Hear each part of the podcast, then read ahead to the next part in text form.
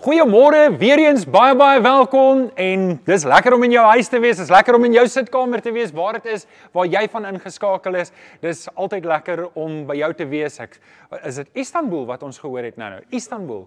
Wow, prys die Here. Dis welkom en uh, dis lekker om te weet ons kan so ver uitsaai. Ons prys die Here daarvoor. Vriende, jy is hierso. Help ons om die woord uit te kry. Druk op die like knoppie. As jy op die like knoppie uh, druk dan sê jy vir YouTube, hier is belangrike inligting En onthou, hierdie gaan oor die woord van die Here. Dit gaan nie oor Tygerberg Gesinskerk nie. Gaan oor die woord van die Here. Druk vir ons op die like knoppie, sê vir YouTube, hierdie is goeie inligting. Help ons om die woord uit te kry. Dan Ons is besig met die reeks Bybelse idiome. Indien jy nog nie die boekie afgelaai het nie, kan jy hom aflaai gratis by www.biblestudy.co.za of jy kan Anneke bel by die kerkkantoor en 'n boekie bestel. Ek dink Rian, jy kan dit van die webtuiste af ook bestel en um en maar dis 'n betaalde opsie. Ons koerier dit vir jou. OK, dan laaste, tweede laaste ding en dit is Um vriende, baie dankie dat jy dit finansiëel moontlik maak vir ons om hierdie werk te doen. Dankie dat jy finansiëel bydra. Vir dis vir my eintlik wonderlik om te sien hoe die mense finansiëel bydra veral in hierdie moeilike tyd. En ek wil jou mooi vra, indien jy nog nêrens finansiëel bydra nie en jy het om by te dra, oorweeg om by ons gemeente by te dra. Help vir ons om ook die woord op hierdie manier weier te verkondig soos wat hulle reeds gepraat het die boksie. Ek dink Anrol het mooi gepraat. Ons wil graag vir jou so 'n boksie stuur. Indien jy nog nie op die kerk se database is nie onder in die subscription is daar 'n description dink ek. Is daar 'n ding wat jy kan klik as jy op hom klik kom jy op die kerk se database en um, dan stuur ons vir jou so 'n pakkie. So ons wil graag vir jou so 'n pakkie stuur. Vul dit vir ons in. Ons wil graag hoor wie jy is. Hierdie is maar net 'n dryf want ons sien ons baie mense wat inskakel. En ons weet nie wie julle is nie. Ons wil so graag weet dis uh, dis ek wat maar aan 'n skierigheid lê en um, ons vir jou 'n geskenkpakkie in die pos stuur. So vul daai vorm in en laat van jou hoor en ons stuur vir jou dit. Dan kom ons kom ons vra net vir die Here om die woord in ons harte te seën. Kom ons bid saam. Vader, baie dankie. Baie dankie vir die goedheid, dankie vir die genade, dankie vir die liefde en dankie Here dat ons nou die woord kan oopmaak en daardie kan lees en en Here waar ons by vanoggend by 'n belangrike tema kom, kom vra ek dat U in ons harte sal werk, Here, dat hierdie ding vir ons dat ons dit mooi sal begryp en dat ons ons lewe volgens U woord sal inrig. Ons dankie en ons bid dit in Jesus naam. Amen. Amen. Nou, ons is besig met Bybelse idiome. Jy kan slank jou Bybel oopmaak by Matteus 23 vers 23 tot 28. Eintlik gaan ons oor daai hele gedeelte praat, maar ons gaan net daai teksgedeelte lees. Dit is nogal 'n baie sterk gedeelte en jy gaan nou sien hoekom ek so sê. Ons is besig met idiome. Nou Afrikaans is 'n baie ryk taal. Ek hou baie van idiome. Ek um, ek dink sit terwyl ek voorberei aan die idioom wat eintlik 'n Engelse idioom is wat ons in Afrikaans oorgevat het, die hele boks en dice. Wie van julle ken die hele boks en dice? En ek dink altyd aan die Monopoly speletjie van die boks en die dice en alles alles wat daarin is beteken alles saam. Maar baie van ons idiome het ons nie net gevat by ander tale nie, maar kom met die Ossewa in die voortrekker tydperk uit. En wat ons moet verstaan van van van idiome is dat jy kan nie altyd uit die som totaal van die woorde aflei wat die idioom se betekenis is nie. So dis baie keer net 'n aangeleerde spreekwoord om om om iets oor te dra binne in ons moderne idioom. So een van die idiome wat ons gebruik is om um stadig oor die klippe te gaan. Nou hierdie sou nou dalk beter by Rian se preek gepas het, maar in daardie tyd het hulle met die osse waas ook deur druwe gery, baie keer wat water loop, baie keer wat droog is en dan sal al hierdie spoelklippe en dan sal hulle vir mekaar gesê onthou stadig oor die klippe want wanneer jy vinnig oor die klippe gaan, kan jy die osse wa breek en die wiele breek en dan jy skade. En hierdie idioom beteken maar net dat ek en jy moet maar versigtig wees met groot en belangrike take, want as ons dit haastig doen, was was Chris, Chris, ek bedoel jy weet stadig oor die klippe wanneer dit kom by die bouprojek ook stadig oor die klippe. En um, want jy kan skade berokken. So moenie oorhaastig groot besluite neem en in 'n ding instorm soos wat ek baie mense wat ek nou na myself verwys baie keer kan doen nie. Ag wel, maar ons praat nie oor ons was nie, ons praat nie oor voortrekkers nie, ons praat oor die woord van die Here. Die woord van die Here maak my opgewonde. Ons was maak my nie so opgewonde nie. Ek is so bly en ek hoop jy's ook bly dat ons nie meer in daai tyd leef nie. So waar. Ek sien nie kans om met 'n osse waar oor die berg ek weet nie of julle weet nie, maar hulle het om van hier van die Kaap of nou hulle het hier van die Kaap af. Hulle moes die osse waar party plekke uitmekaar uitgehaal het en oor die berg gedra het om aan die ander kant te kom. En nou wat gebeur nou met al die Johannesburgers? Hulle trek terug Kaap toe. Jy weet so, wat het die wat het die groot trek regtig? Ja. Okay, so ons praat nie oor ons praat nie oor ons was nie. Ons praat oor die Bybel. Ons praat oor die Bybel se idiome en vandag se idiome waar ons praat is wit gepleisterde grafstene. Ons praat vandag oor wit gepleisterde grafstene. Dis eintlik die ou vertaling se woord. Ek gaan vandag eintlik praat oor die nuwe in die nuwe vertaling, maar ek gaan die hele tyd verwys na die ou vertaling se woord, die 1953 se woord en dit is wit gepleisterde grafstene. Nou die die die tema eintlik hieronder is waar ek en jy mekaar moet vra, is daar valsheid in my lewe? Is daar valsheid in my lewe? Is daar goed wat ek wegsteek vir ander mense? Met ander woorde, ek leef een ding, maar my hart gaan 'n ander ding aan en en en ek wil vanoggend oor hierdie ding praat van hoe kan ek my hart bewaar teen valsheid? Hoe kan ek hoe kan ek nie 'n um, 'n skynheilige lewe leef nie. So vandag se tema is eintlik onderliggend skynheiligheid en en dis die tema waar ons vanoggend gaan praat. En so hou dit in gedagte. Kom ons lees ons teksgedeelte in Matteus 23 vanaf vers 23. So Jesus praat hier met die Fariseërs en hy het baie baie baie sterk woorde vir hulle te sê. En miskien is dit iets wat ons ter harte kan neem. So ons lees in vers 23: Elende wag vir julle skrifgeleerdes en Fariseërs, hygelaars. Julle gee diendes van kruisement aan nys en koljander, maar wat volgens die wet van God die swaarste weeg, laat julle na: geregtigheid, barmhartigheid en betroubaarheid. Juis hierdie dinge moet 'n mens doen en die ander nie nalat nie. Blinde leiers. Julle skep die muggie uit, julle beker uit, maar julle sluk die kameel in. Elende wag vir julle skrifgeleerdes en fariseërs, hygelaars. Julle maak die buitekant van die beker en die skottel skoon, maar binne is dit vol hepsig en onmatigheid. Blinde fariseërs, maak eers die binnekant van die beker skoon. Dan sal julle buitekant ook skoon wees. Elende wag vir julle, skrifgeleerdes en fariseërs, hygelaars. Julle is soos witgeverfde grafte wat van buite mooi lyk, maar daar binne vol doodsbene en allerlei onsuiverhede is. So is julle ook.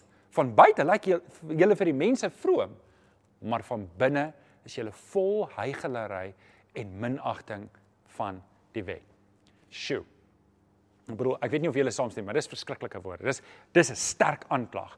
En en kan jy dink dat Jesus, ek kan net dink, hier is Jesus en hy's besig om met die Fariseërs te praat hulle sit so oor en hy kyk hulle so in die oë en hy sê julle is heiligelaars. Julle skyn heilig. Julle doen al hierdie verkeerde goed. Ek kan dink hoe hulle daar gesit het en en hoe hulle of skaam gekry het of kwaad geraak het of wat dit ook al is en en en en hierdie Fariseërs en en en en ek wil dalk net vir jou sê wie was hierdie Fariseërs? Die Fariseërs was eintlik die geestelike leiers van die tyd gewees. Hulle was eintlik die mense mense wat die volk geestelik moes lei, maar die ding wat hulle fout gedoen het is dat hulle eintlik meer druk op die mense gesit om iets te wees wat hulle moes voorgee hulle is, maar nie werklik is nie. En so eintlik was die Fariseërs erg skyn heilig. Hulle het hulle hulle het voor die mense vroom en heilig gelyk, maar hulle harte was ver van die Here af. Hulle moes die mense leer om die Here te volg en hulle het wette opgemaak wat die mense moes nakom, maar self het hulle dit nie gedoen nie. So hulle het op die hoeke van die strate gestaan en lang en mooi gebede gebid om almal te beïndruk, maar hulle het nie 'n verhouding met die Here nie. Hulle doen dit om die mense te beïndruk, nie omdat hulle lief is vir die Here nie. So vas hulle ook en hulle loop hulle en sê o, hulle is so honger vandag en hulle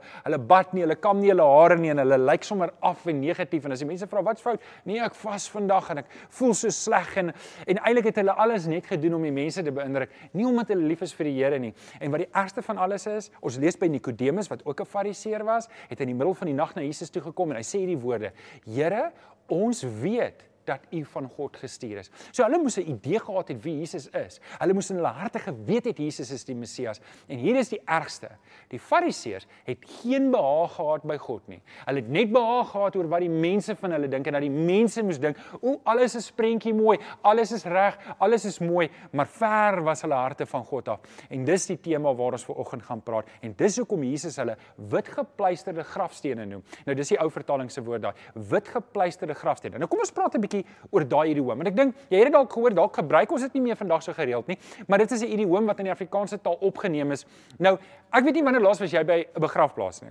Nou, daai foto is by Durbanville Memorial Park geneem, nie daai ene nie. Hierdie ene is geneem, ek weet nie waar nie, maar iewers in Suid-Afrika. Meeste begrafplase wat jy vandag sien, is eintlik gevaarlik om na te gaan. Ek weet nie almal van ons het 'n ouma of 'n oupa wat iewers begrawe is nie. Wil graag blomme blomme na die graf toe vat, maar dit lyk net sleg en die grafte is gebreek. Maar um, Durbanville Memorial Park, hulle hulle betaal my nie vir die advertensie nie, maar dit is mooi. Ek weet nie of julle saamstem nie. Dis mooi. As jy daar rondloop, dan dink jy, "Jene, hier sal ek my geliefdes wil begrawe." Um nou, wat is wat sê Jesus eintlik met hierdie wit gepleisterde grafstene of hierdie wit gewaste grafstene? En dit is maar eintlik wat ons doen. Almal van ons het 'n behoefte om ons geliefdes se graf te weet te gaan mooi maak. So jy vat jou skoppie. Ek kan onthou my pa het gedoen toe ons kind was. Jy vat 'n skoppie en jy pak maar gebakte eiers en en wat is die ander goed wat ons altyd saam gevat het? Um wat is meatballs in Afrikaans? Kan iemand my help met Frikadelle, yes, frikadelle. Ja, vleisbolle en dan dan gaan ons na ouma se graf toe en jy maak die graf mooi en jy's jy weet jy's jy's jy's maar net bly en dankbaar en alles en maar ons het dit ophou doen want dit het gevaarlik geraak. Maar die punt net hier is is die graf lyk dalk mooi, maar binnekant is dit net doodsbenere. Dis net dis net ouma se doodsbener. Sy is nie meer daar nie. Dis net dood. En um as dit nog onlangs is soos wat Jesus dalk na verwys is, dan sal baie onreinheid en onsuiverhede daar. Daar was 'n Ou Testamentiese wet in Levitikus wat jou belet het om 'n lijk te vat. As jy 'n lijk gevat het, dan was jy onrein. So met ander woorde, hierdie grafsteen verteenwoordig eintlik iets wat onrein is. Jy mag nie daarin gevat het nie.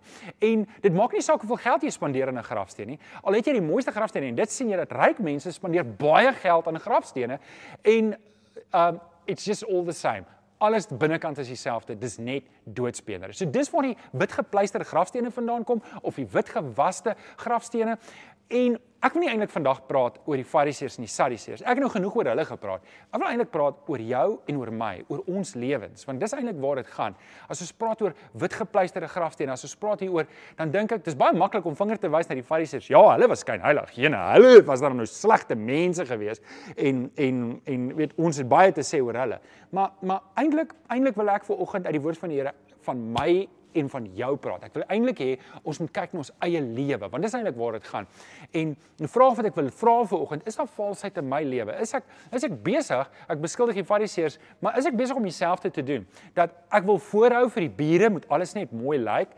Um as ek eintlik is my huwelik stikkend en en en alles is stikkend in my lewe, maar die oomblik as ek by my hek uitry, dan moet my vrou daarom of my man moet daarom alles moet net mooi lyk, like, die kinders moet mooi lyk. Like. Eilik binne in die huis is goed regtig stikkend, binne in my hart is goed regtig stikkend, maar al wat ek doen, ek probeer vir die wêreld buite kan wys alles is mooi en reg en eintlik doen ek maar presies wat die fariseërs gedoen het op 'n manier. So Ek wil vanoggend praat oor hoe oorkom ek valsheid in my lewe? Hoe oorkom ek dit? Dalk dalk beleef jy dit. Dalk nie in 'n groot mate nie, maar in 'n klein mate. Ek probeer hierdie ek probeer hierdie hierdie show opsit vir buite, maar binne in my lewe is alles nie eintlik reg nie. En ek wil vanoggend met jou gesels oor hoe om nie 'n gewit wit gepleisterde graf te wees nie. Hoe om dit te oorkom in jou lewe. So kom ons kyk na 'n paar goedjies uit die skrif. Uit nommer 1 Hoe oorwin ek dit? Wel, ek moet my oë weer vestig op Jesus. Ek moet my oë weer vestig op Jesus. Dit was juist die probleem van die Fariseërs. Hulle oë was nie op God gefestig nie. Hulle oë was gefestig op mense. En en en dit kan wees hoekom daar valsheid in ons lewe is, want ons is meer bekommerd oor wat mense van ons dink as wat God van ons dink. Ons ons stel ons lewe in dat mense moet dink alles is oukei, okay, maar in my hart weet ek voor God is dinge nie oukei okay nie. En hier is die eerste plek waar ek begin. Ek moet my oë weer op Jesus sit. Want sien, baie keer keer en weet julle lockdown was was was kwaai op ons. Ons moet dit erken. Lockdown was kwaai op ons. Jy weet, jy weet jy moes vir jare moes jy elke oggend vroeg uitgaan, laat terugkom. So jy weet, hierdie vreemdeling in jou huis wat jou vrou of jou man is, het jy nie so baie nodig gehad om. En nou skielik eh, besef jy maar hier's kinders in jou huis en jy het nooit geweet hulle is hier nie want hulle was altyd in die bed as jy by die huis kom. Of of jou vrou skielik weet is julle nou mekaar se spasie wat jy werk nie van die huis af, jou vrou werk of jou man werk van die huis af en en skielik en en en en jy voel maar net, hoorie, die show moet net aangaan. Die show moet net aangaan. Alles is nie oukei okay nie, maar die show moet net aangaan. En en dis dalk waar jy is. Dalk is jy op 'n plek in jou lewe dat die show gaan net aan. Ouens, die show kan nie net aangaan nie. Ons moet by Jesus uitkom ons moet by Jesus aan. Uh, dinge kan nie net aangaan soos wat dit altyd aangegaan het nie. Luister, die kruis van Jesus was te was te waardevol. Ek kan nie en dis die ding wat ons baie keer dink is ons dink, luister, laat die show net vir nou aangaan. Ek gaan net net laat laat ons net deur hierdie dag kom of deur hierdie week aangaan. En ons probeer die status quo vir buite kan wys, net om te sê, hoorie, alles is oukei, okay, alles is oukei. Okay. Maar ek weet Ek weet alles is nie oukei okay nie. My oë is lankal van Jesus af. Ek sal lankal het my verhouding begin verbrokkel met Jesus. En en hier is die uitdaging vir my en jou om te sê, hoor, hier is die beginplek. Hier is waar ek begin. Is ek kom terug na die kruis van Jesus toe. Ek kom terug na die Here toe. Ek gaan nou-nou 'n bietjie meer daaroor praat.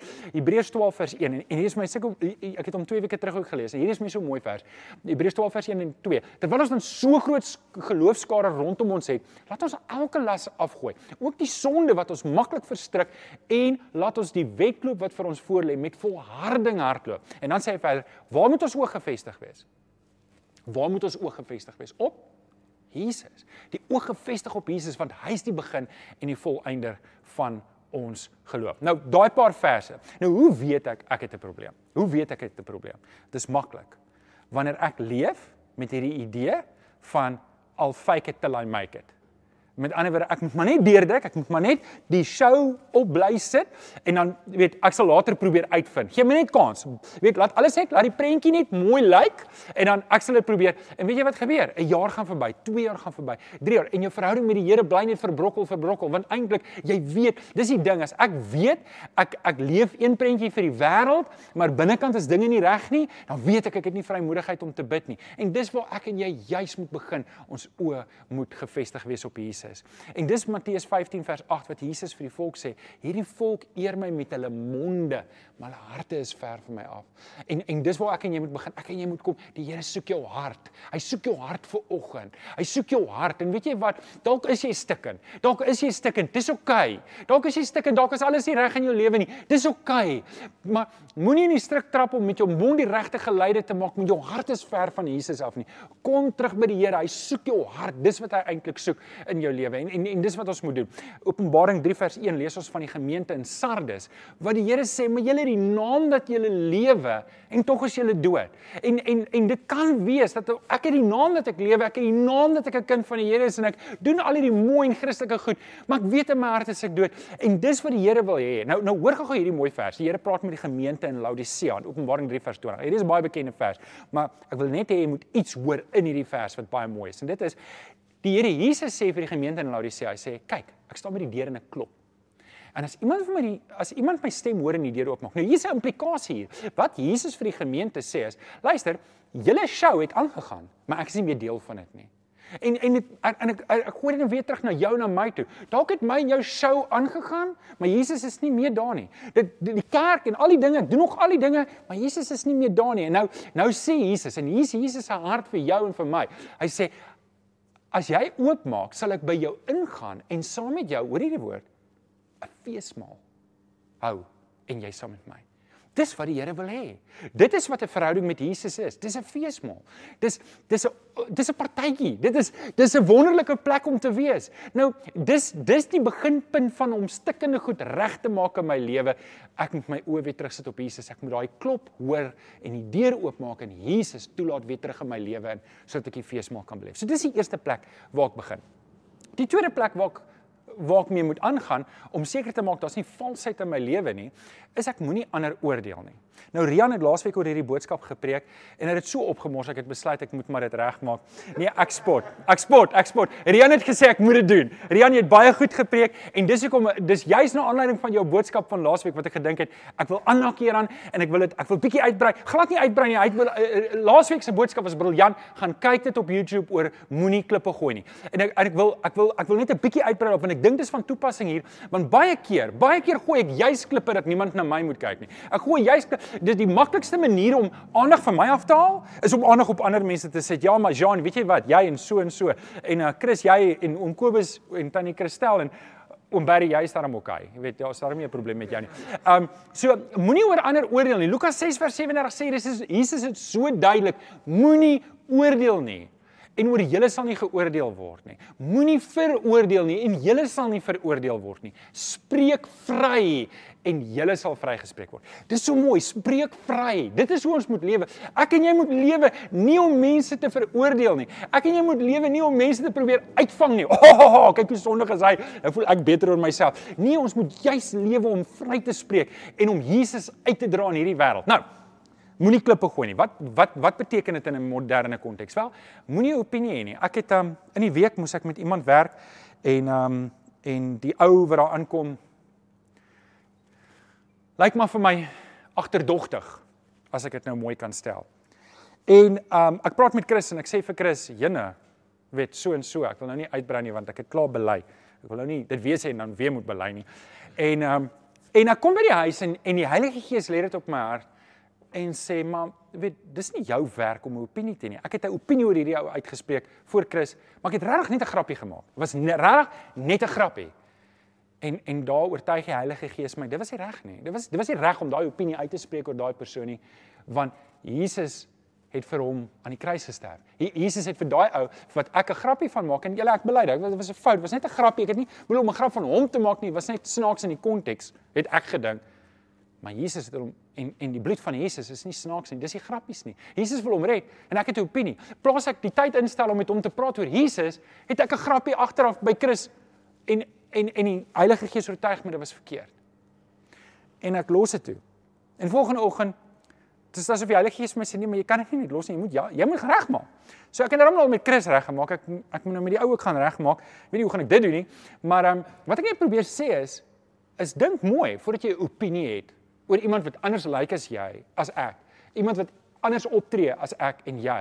Want ons is baie maklik om opinies te hê en te sê, "Hm, kyk, kyk, dis nou tipies van daai tipe mense." Dis tipies van daai tipe persoon. Dis tipies van die mense wat uit daai buurt uitkom of uit daai dorp uitkom van Johannesburg. Ek, ek like Johannesburg. Ek kom self van Johannesburg. Ek niks teen julle nie. So ek en jy moet versigtig wees oor opinies. Johannes 3 vers 17 is Jesus se hart. God het nie sy seun na die wêreld toe gestuur om dit te veroordeel nie. God het nie die seun, sy seun na hierdie wêreld toe gestuur om opinies oor hulle te hê nie, maar sodat die wêreld deur hom gered kan word. As ek en jy na elke liewe mens kan kyk en daai hart en daai gesindheid kan hê om te sê ek moenie oor iemand oordeel nie. Ek moenie 'n opinie hê oor iemand nie. Ek moet net lief hê. Weet jy of hy nou 'n waxer of 'n anti-waxer of hy nou Bill Gates is en of hy ek weet nie noem al die name wat jy wil hê. Ek moet net een gesindheid hê en dis om mense lief te hê soos wat God hulle liefhet. Nou, kan ek 'n bietjie praat oor die hel? Um dit mag dalk voel reël nie nou hier ter ter sprake is, maar ek wil ietsie sê oor die hel want ek het baie van my ek het baie van my vriende al gehoor wat die evangelie verkondig en hoe hulle dit doen is hulle verkondig die evangelie um met die hel. Hulle gebruik die hel. Hulle verkondig die hel meer as wat hulle. Sê, weet jy waar is jy op pad? Jy's op pad hel toe. So bekeer jou en gaan en ek het 'n illustrasie, maar ek het nie my dogter se toestemming gehad nie. Ek wou 'n foto van haar opsit om te sê, verbeel julle self Ek het 'n foto van my dogter hier en um ek gaan op LinkedIn en ek soek 'n professionele ou wat ek weet gaan goed kan kyk na my dogter.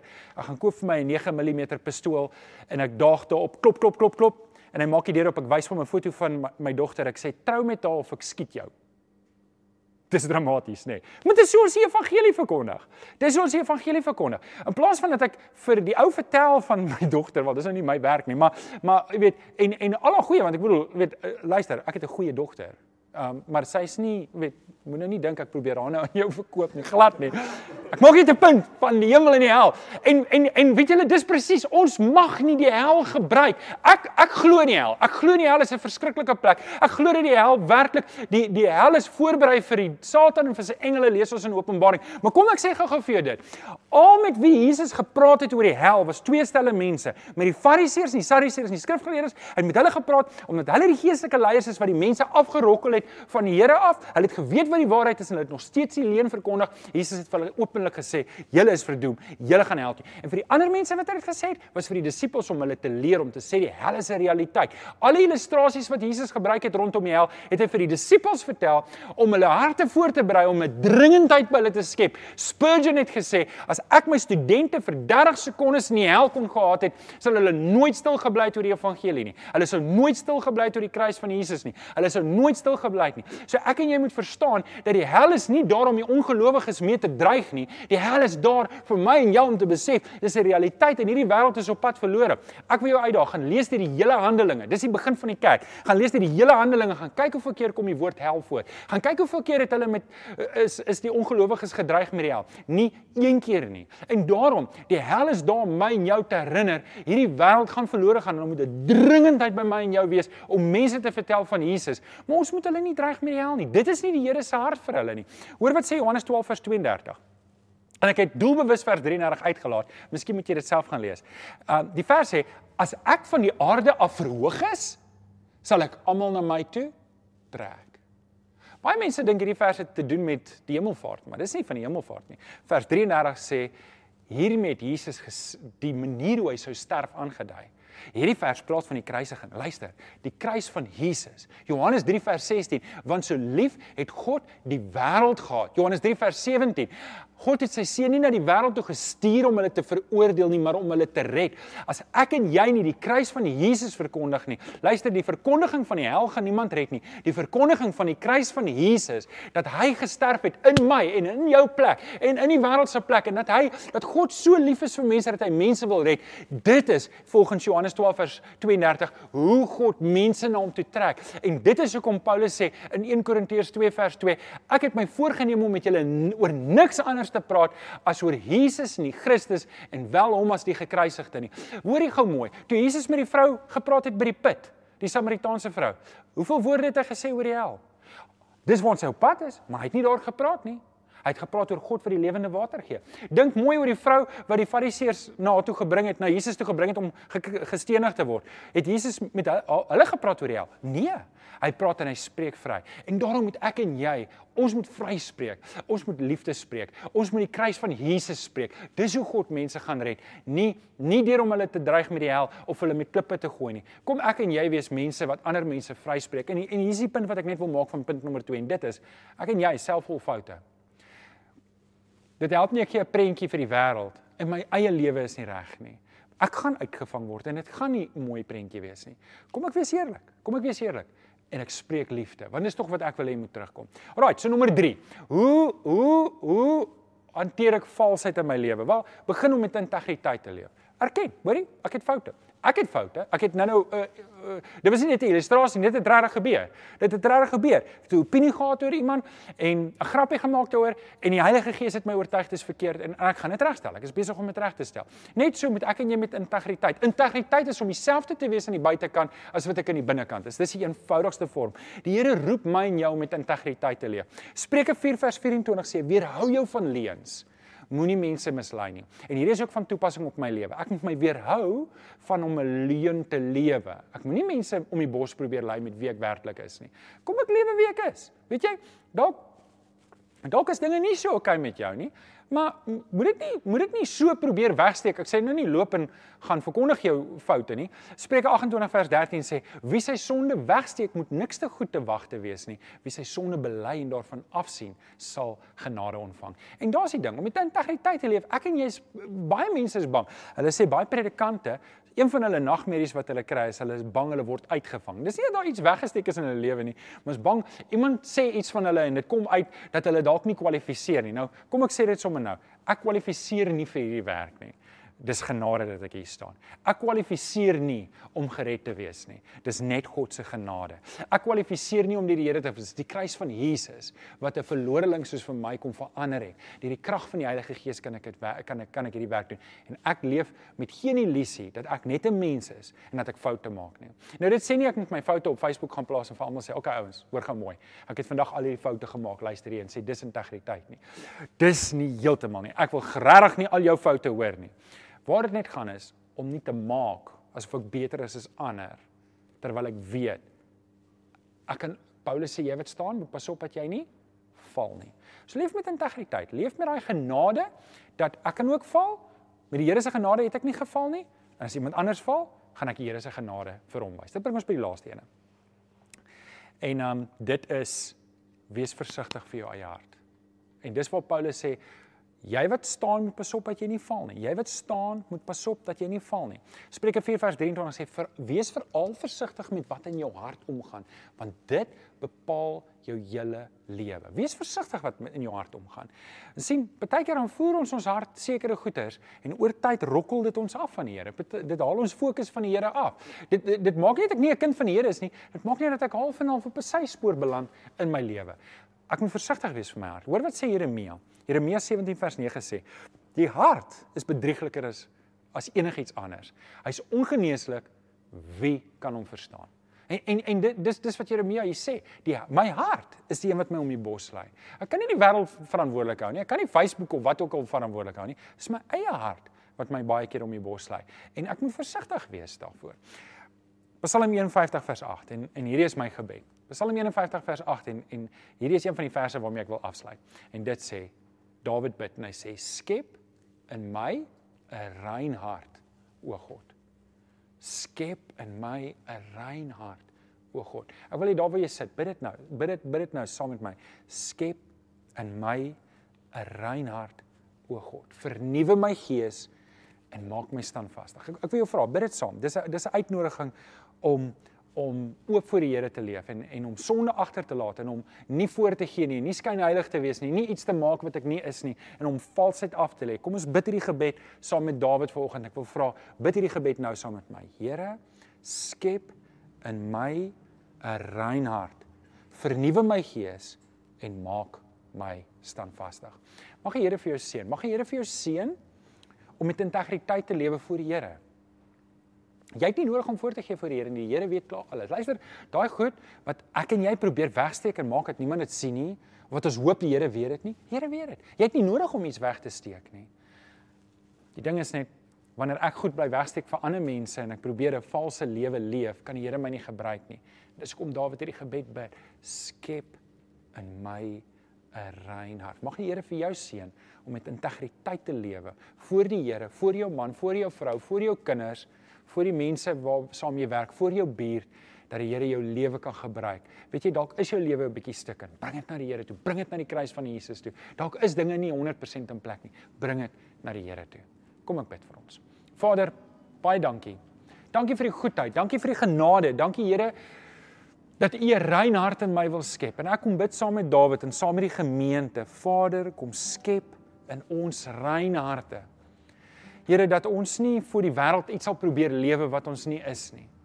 Maar Here dat ons ons oë weer sal vestig op die Here Jesus en dat die kruisdood van ons Here Jesus en sy opstanding en sy hemelvaart vir ons so groot realiteit sal word. Here dat dat ons oor hierdie probleme van ons sal kom sodat ons Jesus kan uitleef vir die wêreld. Ons kom bid dit in Jesus naam. Amen. Amen. Kom ons kom ons loof en prys die Here saam met Kenneth van die orkes.